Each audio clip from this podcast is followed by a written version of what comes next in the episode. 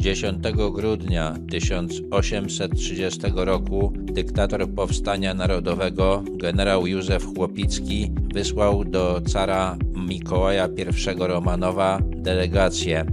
W skład tej delegacji wchodzili minister skarbu królestwa, książę Drucki Lubecki oraz poseł na Sejm Jan Jezierski.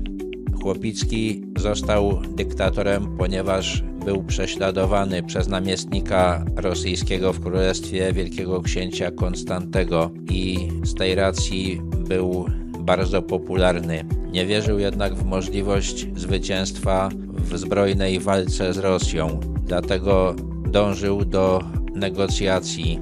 Uniemożliwił okrążenie i rozbicie wojsk rosyjskich, które na czele z księciem Konstantym wycofały się z Warszawy, opóźniał mobilizację wojska polskiego, a jego wysłannicy przywieźli do Petersburga petycję, w której proponowali zakończenie powstania, utrzymanie Unii Personalnej Królestwa Polskiego i Rosji i przyłączenie do Królestwa tzw. Tak ziem zabranych, czyli ziem, które Rosja zagarnęła podczas rozbiorów.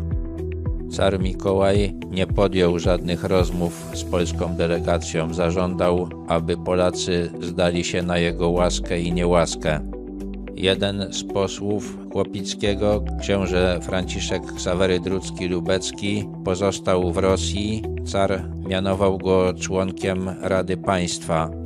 Jan Jezierski wrócił do Warszawy i przekonywał wszystkich, że walka zbrojna z Rosją nie ma żadnych szans powodzenia, za co żołnierze omal go nie rozstrzelali.